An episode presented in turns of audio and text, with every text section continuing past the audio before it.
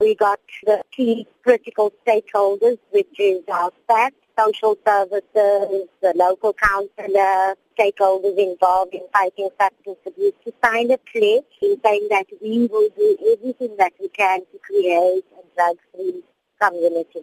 Cheryl Pilay is die hoof van Eldorado Park se plaaslike dwelmaksie komitee en sy het ook die Comeback Mission rehabilitasieprogram begin.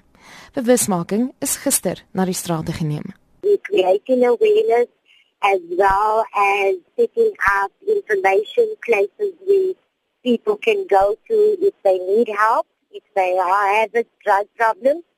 We want to assist them and as well as if they know where any drug is sold, is to report it. Sy sê die program is uniek omdat hulle rehabiliterende verslaafdes gebruik om hulle met bewusmaking te help.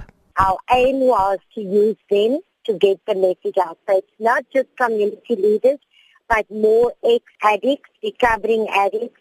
Lots of them still presently at the moment in recovery, others has recovered already. We have them involved as part of the campaign.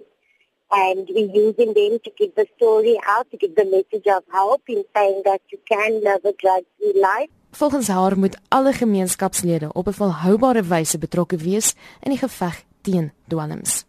It's always going to be a long-term intervention, whether it's from the treatment side, whether it's from the supply reduction side, you know, with the suppliers of substance, all of that. It really takes a lot of time and effort to work through it because even if you're going into rehab, there's no quick fix. There's no going in and coming out. It's a long-term strategy.